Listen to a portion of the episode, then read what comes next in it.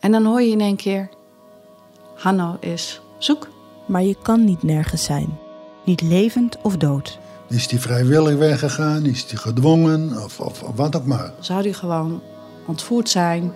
Mijn naam is Iris van den Boom. En samen met Ditya Kabba ga ik op zoek naar wat er is gebeurd met Hanno. Een doodgewone vader die van de een op de andere dag spoorloos verdween. Hè?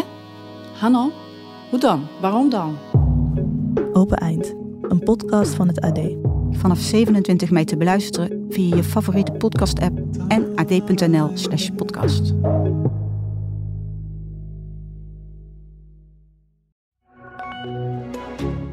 就是你听到一些声音或者你看到一些东西的根本不存在的， En die stemmen kunnen soms dingen tegen u zeggen dat u dingen moet doen. 就是有时候的那个声音会告诉你你要做这个，你要做那个。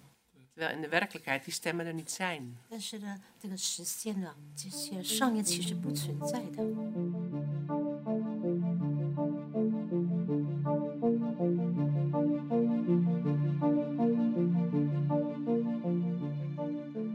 Het centrum van Rotterdam is een plek waar het op klaarlichte dag eigenlijk altijd druk is.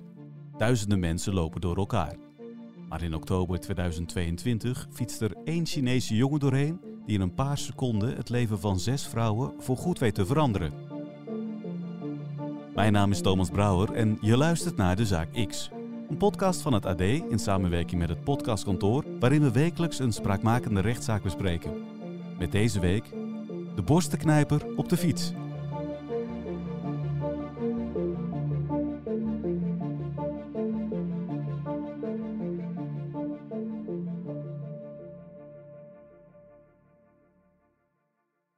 De zaak van deze week draait om de 22-jarige Yun Lin. Yun Lin is op een werkvisum van China naar Nederland gekomen. Zijn tante woonde hier al. Hij zwerft tijdens zijn verblijf in Nederland veel rond op straat en is vaak in de buurt van de Pauluskerk in Rotterdam te vinden. Een opvangplek voor onder andere dak- en thuislozen en mensen met psychiatrische problemen. Yun Lin heeft last van psychische problemen. Hiervoor moet hij dagelijks medicijnen slikken, maar op een koude herfstdag in oktober 2022 neemt hij zijn medicatie niet en stapt hij op de fiets. Ja, eigenlijk in twee dagen tijd zijn er eh, zes vrouwen op de Binnenrotte in het Rotterdamse centrum door een fietser in de borsten geknepen. En dat was vanuit het niets, hè? Ja, hij kwam van achter aangefietst, vertelde zij. En eh, opeens greep hij naar de borst en kneep hard, echt keihard. Je hoort de stem van Adrianne de Koning, verslaggever van het AD Rotterdams Dagblad.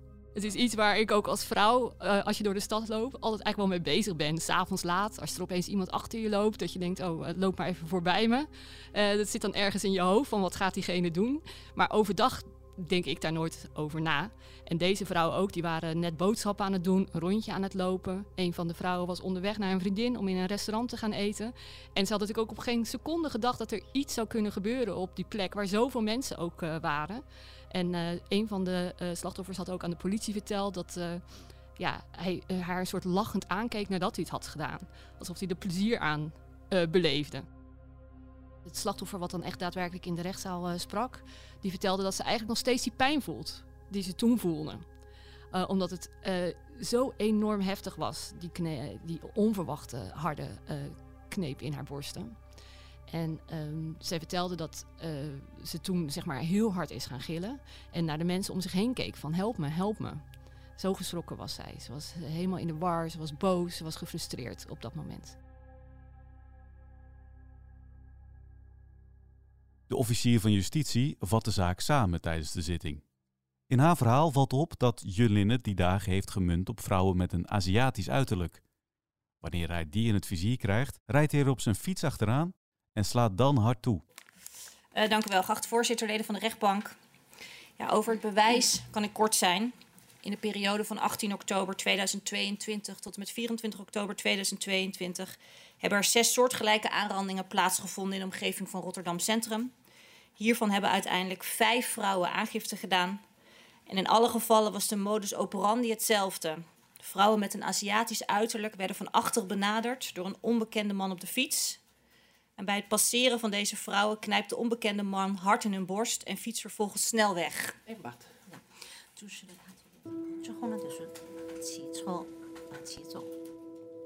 Het signalement van de man betreft een Aziatisch uiterlijk, lang zwart haar tot aan de schouders, een zwarte sportieve fiets en hij draagt donkere kleding.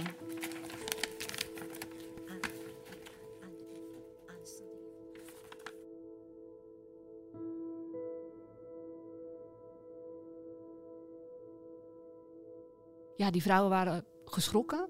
En blijkbaar hebben ze allemaal wel de politie uh, gewaarschuwd. En omdat hij steeds op dezelfde manier, op dezelfde plek of rond dezelfde plek toesloeg op hetzelfde tijdstip, lukte het de politie om hem op hete daad te betrappen. Ja, hij wordt dan natuurlijk gelijk verhoord. En uh, in het begin kon hij eigenlijk niet zo goed vertellen hoe of wat. Het was eigenlijk direct al heel erg duidelijk dat hij heel erg in de war was. En uh, hij kon zich niet goed herinneren of hij iets had gedaan, wat hij had gedaan en waarom. Maar in het centrum van Rotterdam hangt het vol met camera's. En dus zijn er veel beelden waarop te zien is hoe Junlin zich vergreep aan de vrouwen. De politie laat hem de camerabeelden zien. En uh, toen heeft hij bij de politie ook gezegd: Oh ja, dat ben ik. Hoewel hij op dat moment eigenlijk nog niet een hele duidelijke herinnering had aan wat er gebeurd was. En de vraag is of hij deze herinnering nu eigenlijk wel had, of dat hij puur doordat hij beseft dat er heel veel bewijs was dat hij degene was, uh, zegt dat hij het heeft gedaan.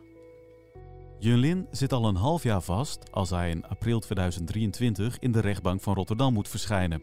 Het is een bijzondere zitting. Junlin spreekt geen Nederlands en amper Engels en daarom zit er een tolk naast hem in de rechtszaal. Je hoort de rechter dan ook langzaam en met veel pauze spreken. Als een officier van justitie nou zegt, wij beschuldigen u ervan dat u vrouwen in de borst geknepen hebt. U fietste. En zonder dat die vrouwen dat wisten, fietste u langs.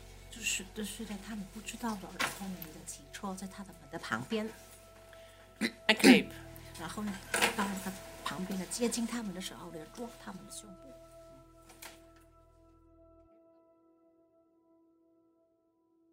In de rechtszaal probeert Adrianne in te schatten wat voor jongen Junlin nu eigenlijk is.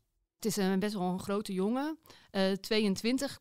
Ik zou hem zelf wat ouder hebben geschat. En hij heeft een uh, staart in en heeft nou ja, overduidelijk een Aziatisch uiterlijk. En um, hij zit zwaar onder de medicatie.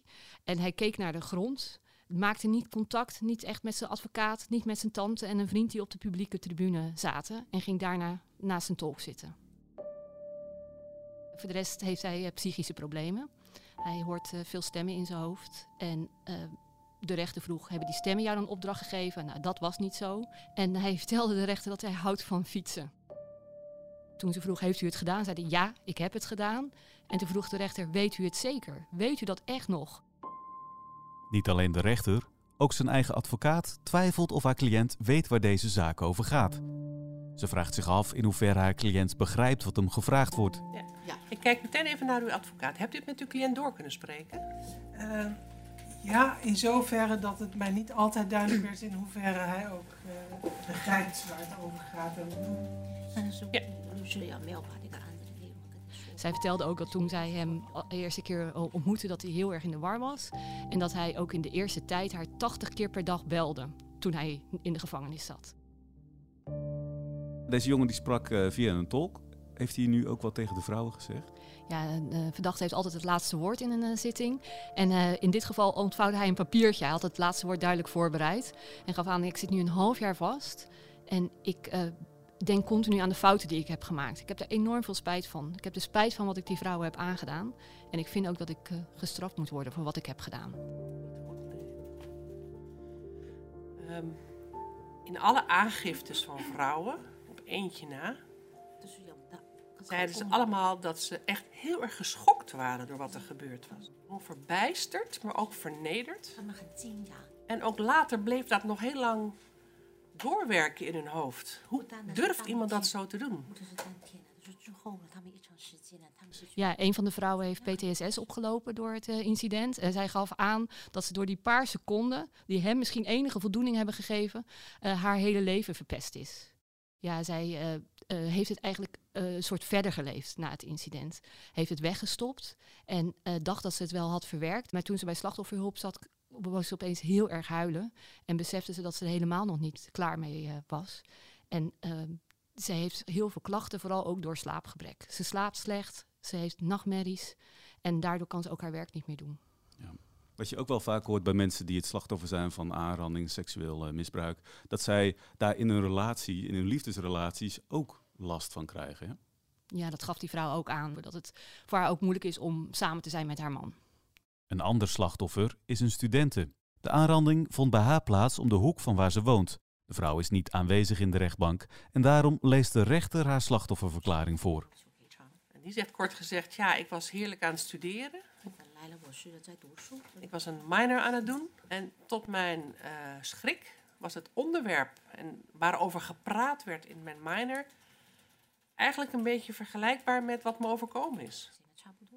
En dat raakte mij zo dat ik die minor gewoon niet kon doen. En dat betekende dus dat ik niet door kon met mijn studie. En dan heb ik een half jaar vertraging. Een van de vrouwelijke slachtoffers is wel aanwezig in de rechtszaal en legt ook een verklaring af. Dit slachtoffer werd door Junlin aangerand toen ze onderweg was naar een restaurantje. Daar zou ze met een vriendin wat gaan eten. Tijdens de zitting is de echtgenoot van het slachtoffer mee om haar te kunnen steunen. Ik vond het al opvallend eigenlijk dat bij uh, dit incident uh, een van de slachtoffers echt naar de rechtbank was gekomen. Omdat het eigenlijk aangifte doen misschien al een grote stap is. En uh, dan ook nog de tijd vrijmaken om degene die ervan verdacht wordt onder ogen te zien. Dat zie je va niet vaak gebeuren. Ja, dan helpt het natuurlijk wel dat als je die stap zet, dat degene, hè, de dader, een straf krijgt. Ja, dat gaf, uh, dat gaf die vrouw ook dus heel duidelijk aan in haar uh, slachtofferverklaring. Ik wil dat u hem hard straft, zei zij. Want als het zou kunnen, zou ik een knop indrukken waarmee alles ongedaan zou worden gemaakt. Maar dat kan ik niet. En uh, ik heb daar zelf zoveel last van. En ik vind dat hij er ook ja, voor gestraft moet worden, wat hij mij heeft aangedaan. En het opvallende was dat de verdachte dat zelf ook zei. Hij zei, ja, ik heb heel veel spijt van wat ik heb gedaan, wat ik die vrouwen heb aangedaan. En ik vind dat ik hard gestraft moet worden.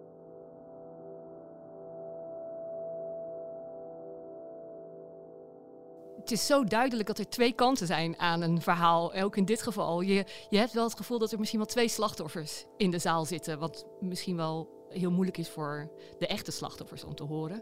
Uh, je ziet die vrouw die daar heel erg door aangedaan is en echt uh, ja, heel erg zat te snikken tijdens de zaak. Zo achter mij.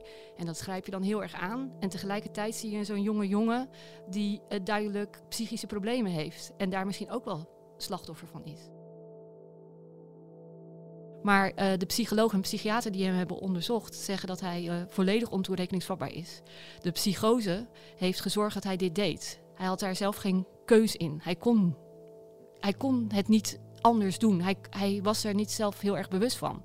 En dat betekent dus dat uh, volledig ontoerekeningsvatbaar betekent dat je geen straf kan krijgen. Dus geen celstraf. Ik kan me voorstellen dat iedereen die dit hoort denkt, hoe dan? Hij ja. heeft het bekend, hij heeft iets gedaan wat niet mag, hij heeft vrouwen aangerand. Uh, een paar van de vrouwen hebben daar echt enorme last van gehad. En hoezo krijgt hij dan geen straf? Hoe kan het dat een aanrander die zes delicten pleegt er zonder straf vanaf kan komen? Dat heeft alles te maken met toerekeningsvatbaarheid. De officier van justitie legt in de rechtszaal uit hoe dit zit. Heeft een uitvoerig uh, trajectconsult plaatsgevonden. En naar aanleiding van dat trajectconsult heeft een psychiatrisch rapport, uh, of is een psychiatrisch rapport aangevraagd. En dat rapport was gereed op 23 januari van dit jaar. En daarin concludeert de psychiater dat er ten tijde van het lastiggelegde bij verdachte sprake was van een psychose die het gedrag van verdachten volledig zal hebben bepaald. En de psychiater komt dan ook tot het advies om de gehele telastlegging niet aan verdachten toe te rekenen. Oftewel, verdachten geheel ontoerekeningsvatbaar te verklaren. Volledig ontoerekeningsvatbaar betekent dat je geen straf kan krijgen. Dus geen celstraf. Ja, de volgende vraag is natuurlijk, wat dan? Uh, je kan uh, bijvoorbeeld TBS opleggen. Dat is toch wel voorbehouden aan hele ernstige feiten. Denk aan moorden, hele heftige verkrachtingen met heel veel, geld, met heel veel geweld. En uh, dat vond eigenlijk iedereen voor deze zaak niet gepast. Nou, dan is het andere dat je hem gewoon weer op straat laat. Maar wat dan, als hij weer zijn medicijnen niet slikt? Gaat hij dan opnieuw vrouwen lastigvallen? Gaat hij misschien hele andere dingen doen? Zijn er andere dingen die die stemmen in zijn hoofd hem laten doen? En de rechter gaf ook aan, ik maak me niet alleen zorgen om de mensen op straat, de vrouwen op straat, maar ook om hemzelf. Meneer, De rechtbank staat voor een dilemma. En dat dilemma dat wordt eigenlijk veroorzaakt door u. Want de rechtbank wil één dat u niet dieper in de problemen komt. En twee, dat u niet nog meer slachtoffers gaat maken. Dan komt de advocaat van Jun Lin aan het woord. Volgens haar is het belangrijk dat haar cliënt weer zijn medicatie neemt en is gedwongen opname niet de oplossing. Wat haar betreft kan haar cliënt dus weer naar buiten. Je hoort de onderbouwing van de advocaat, waarna de rechter daar kritisch op reageert. Ik denk dat dat afdoende zou moeten kunnen zijn. Om, Hebt u een idee waar meneer gaat verblijven in de tussentijd? waar hij altijd deed, in de Pauluskerk. eh, of, of, of, of bij zijn tante. Dat kan. Maar ik denk dat we hier niet zitten voor de huisvesting. Maar dat we moeten kijken. Nee, maar ik dacht, misschien hebt u een briljant idee. Nee, nee, nee, nee, helaas. Ik heb ook geen tuinhuisje over of wat dan ook. Nee, nee. nee dus, maar ik denk dat we moeten kijken van, is het proportioneel? En niet of het wenselijk is of voor het best wel alleen. Dus ehm, meneer die zal zijn weg vinden. Hij heeft eh, een netwerk. En hij heeft ook de wens om terug te gaan naar China. Hoe ziet hij zijn toekomst dan voor zich daar? Ja, hij, hij denkt dat hij gewoon eh, verder kan leven, werk kan vinden. Hij heeft al een huis, gaf hij aan in China, misschien bij zijn ouders. En eh, ja, hij, hij heeft zelf groot vertrouwen dat hij eh, altijd zijn medicijnen zal slikken. Maar de rechter ziet het niet zitten om Junlin naar China te laten gaan. Ze is bang dat hij daar ook weer zal stoppen met zijn medicijnen en er nare dingen gebeuren. Twee weken na de zitting komt de rechter met een uitspraak.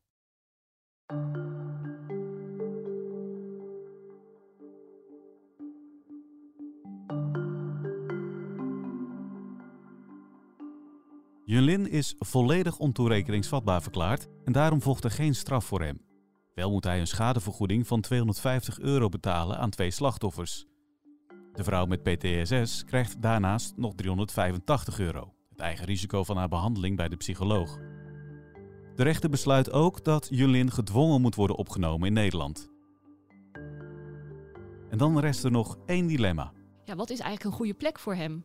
Omdat hij maar tijdelijk in Nederland is en geen Nederlands spreekt. Dat is iets wat je echt helaas wel vaker in de rechtbank eh, ziet. Zeker ook het niet Nederlands machtig zijn. Dan maakt het heel erg moeilijk om iemand echt te kunnen helpen. En in dit geval werd gezegd, nou het belangrijkste is dat hij zijn medicijnen blijft slikken. Eh, en dat, het idee is dat dat wel moet lukken met zijn eh, matige Engels. En daarna is de gedachte dat hij waarschijnlijk als ongewenst vreemdeling wordt betiteld. En dus terug zou moeten naar China. En is er dan nog contact met, met China om te zorgen dat daar dan de behandeling wordt doorgezet? Werkt dat zo? Dat zou je willen, maar dat is heel lastig.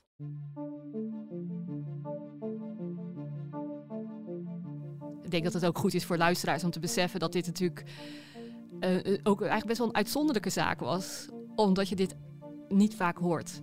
Eigenlijk haast nooit hoort dat iemand zo structureel eh, achter eh, eh, ja, dit uithaalt met vrouwen. Midden op de dag, op een plek waar heel veel mensen zijn.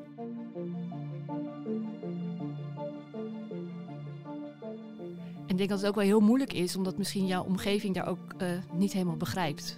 Dat zo'n zo'n incident van een paar seconden zo'n effect heeft op je leven. En het is ook natuurlijk heel verschillend hoe de ene vrouw daarmee om kan gaan en de ander.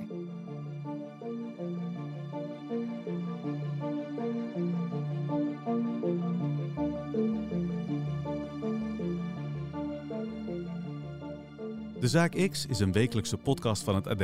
En deze aflevering werd gepresenteerd door mij, Thomas Brouwer. Aan deze podcast hebben meegewerkt David Achter de Molen van het podcastkantoor, Sanne Beijer, Tara Riem en Lotte van der Velde. Als je meer details wil lezen over deze zaak, kijk dan op ad.nl slash dezaakx. Vond je dit een goed verhaal? Laat dan vooral even een review achter, zodat we beter vindbaar worden voor nieuwe luisteraars. En wil je ook de volgende aflevering niet missen? Abonneer je dan op dit kanaal.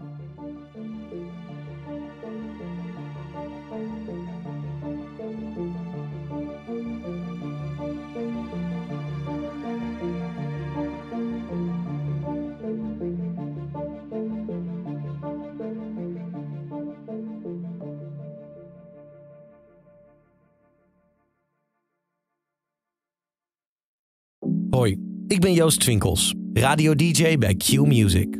Dit is mijn vader Piet. Lieve Joost, je staat nou recht tegenover mij. En ik praat nou op twee manieren tegen jou. Als je dit bandje luistert, dan weet je niet meer dat je hier gestaan hebt. Dit jaar is hij precies 20 jaar dood. En ondanks dat ik me weinig van hem kan herinneren, mis ik hem. Speciaal voor mijn broer Koen en mij liet hij brieven en audio-opnames na... die ik in deze podcast induik om niet alleen hem, maar ook mezelf beter te leren kennen. Ik heb geprobeerd om jullie te vertellen dat liefde het allerbelangrijkste is. Hou van elkaar en van de wereld om je heen. Dan komt alles goed. Liefs Papa Piet luister je nu in je favoriete podcast-app.